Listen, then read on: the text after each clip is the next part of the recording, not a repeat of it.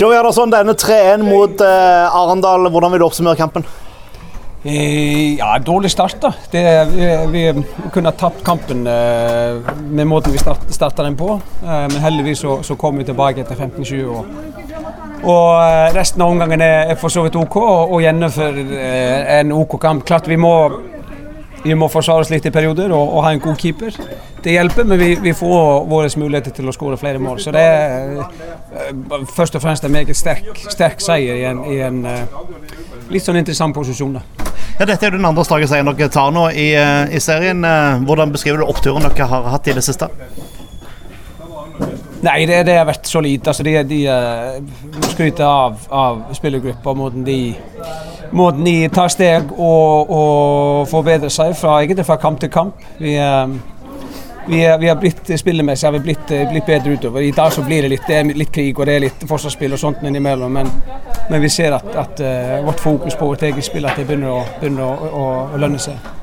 Ja, og Nå er dere da på andreplass akkurat nå, iallfall, før de andre kampene spilles resten av, av runden. Men eh, andreplass, er det noe dere har satt som mål for sesongen, eller er det bare å overleve?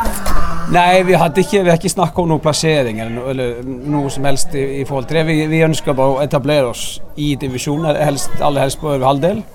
Um, og um, noe annet har vi egentlig ikke snakket om. Vi, vi, vi, har fokus på utvikling og fokus på å, å bli bedre som et fotballag gjennom sesongen. Det, det, har vi klart så langt, og så, så er det gøy at vi, vi, klarer å henge med litt uh, rundt topplagene. Og Kristian Lien, noen ord om han? Fantastisk. Han, er, han, han har noen kilo å flytte på.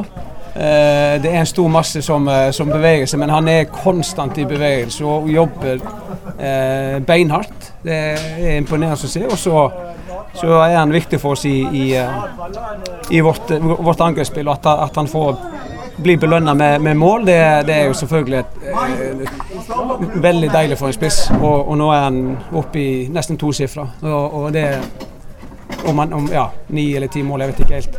Men i hvert fall så, så, eh, så leverer han vanvittig godt for tida.